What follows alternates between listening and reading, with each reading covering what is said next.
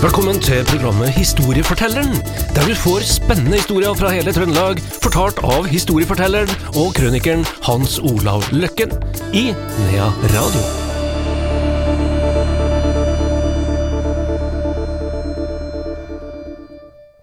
På nytt, velkommen til historiefortelleren her i Nea Radio. Velkommen til deg, Hans Olav Løkken. Jo, takk, takk. Eh, vi har jo snakka om eh, AVAX og overvåkningsfly tidligere her i serien, og vi skal snakke om Jeg vet ikke om det handler om overvåking, men snak, vi skal i hvert fall snakke om fly. Og det handler om eh, ja, de nærmeste åra før andre verdenskrig. Ja, det er nettopp det det gjør, og det er så absolutt overvåkning det handler om. og eh, eh, Bladet, eller det som da het Stjørdalens Blad, den gangen nå heter jo bare Bladet, de eh, kom da på vårparten der da i 37 med en kolossal eh, avsløring og en reportasje.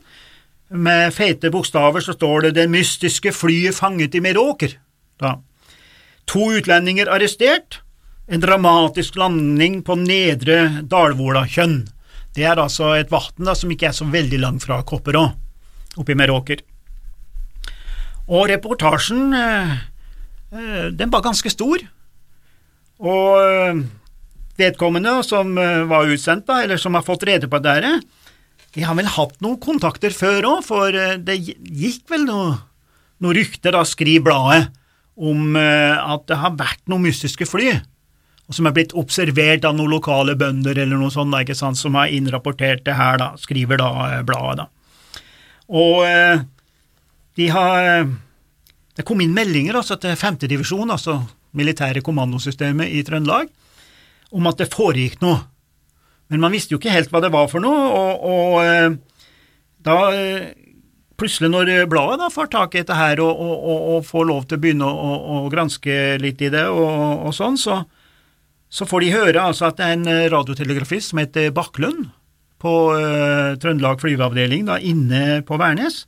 Han har da klart altså, å, å peile seg inn på det flyet, for flyet har, har vel vært på det her vannet noen ganger da, på vinterstid. Og eh, de hadde jo da, begynte jo å nærme seg krigen, så da, før krigen så hadde man en sånn peilhusdyr som kunne peile en. Og han der, der Bakkelund klarte det, da. Og det førte jo til at eh, beredskapen ble ikke bare uh, høyna, men det, de tenkte at de skulle fange det flyet. De skulle, så de kommanderte ut soldater og hele systemet, og hadde da funnet ut med månen og alt det der, når du kan fly, ikke sant, for ikke, det er jo ikke noe instrument, så du må jo ha vær og sånn. Så, og de tok da sjansen på å legge seg opp med de den her kjønna, tjernet der, og vente.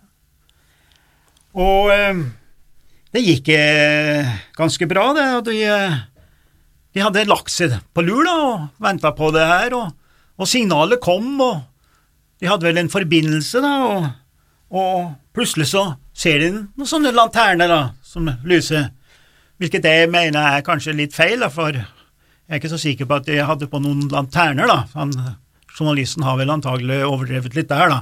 For en spionfly så tror jeg ikke at du kommer med noen lanterner, da.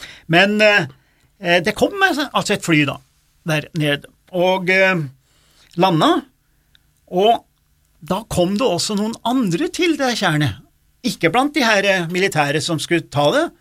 Altså, det var noe kontakt mellom da flyet og folk på bakken. Og det der at det er en Fendrik Brennhor, da, som er en ganske kjent Fendrik der, da, han klarer altså å overbemanne en av de her eh, som skulle ta imot flyet, da. Sparke kråkfot på han, står det i bladet, da, og, og, og sånn.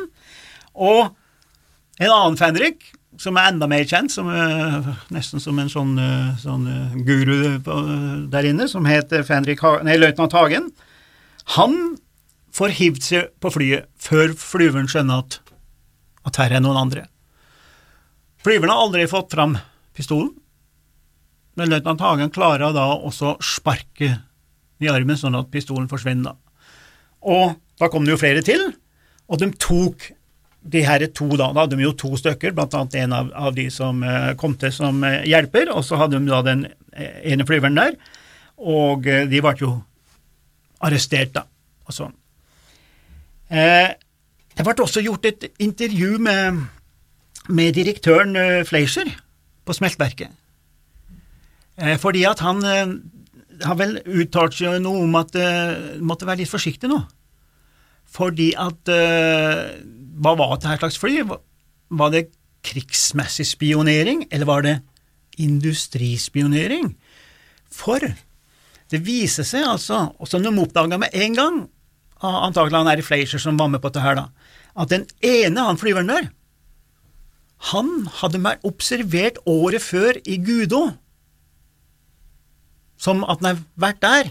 Og man visste at på sjølve smeltverket så hadde en Fleischer og, og, og direktørstaben karter og hemmelige ting og alt mulig sånn industrimessige saker som de var veldig redd for.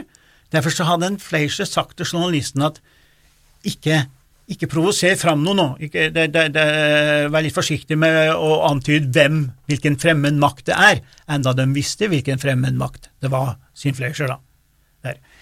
Men du vet, han journalisten, vet du, han var i fyr og flamme. Han. han hadde jo en story uten like her.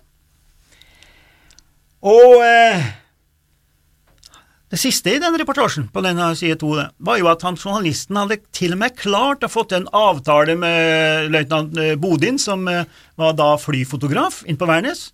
Han var da flyfotograf før en som het Gimnes, som kom inn på Værnes i mange, mange mange år, som vi kjenner veldig godt. Da er dessverre død nå, da. Men han derre Bodin hadde lovet bladet at når han fikk fremkalt de her bildene, så skulle bladet få de første bildene, altså eksklusiv reportasje, hvis du skjønner. Så det, bladet var veldig fornøyd, og det var en kjempehistorie, og ryktene gikk. Og da folket kom på domusbenken dagen etterpå, altså på Samvirkelagets benk om morgenen for å høre nyheter og, og, og løse noen verdensproblemer, så har jo denne historien virkelig tatt av. Så det var jo veldig mye folk som kom. Men det er et stort men i hele saken her, og det er jo at det kom inn en sindig bondekar fra Nimeråkerbygda og står og hører på de her folkene som nå dramatiserer denne saken.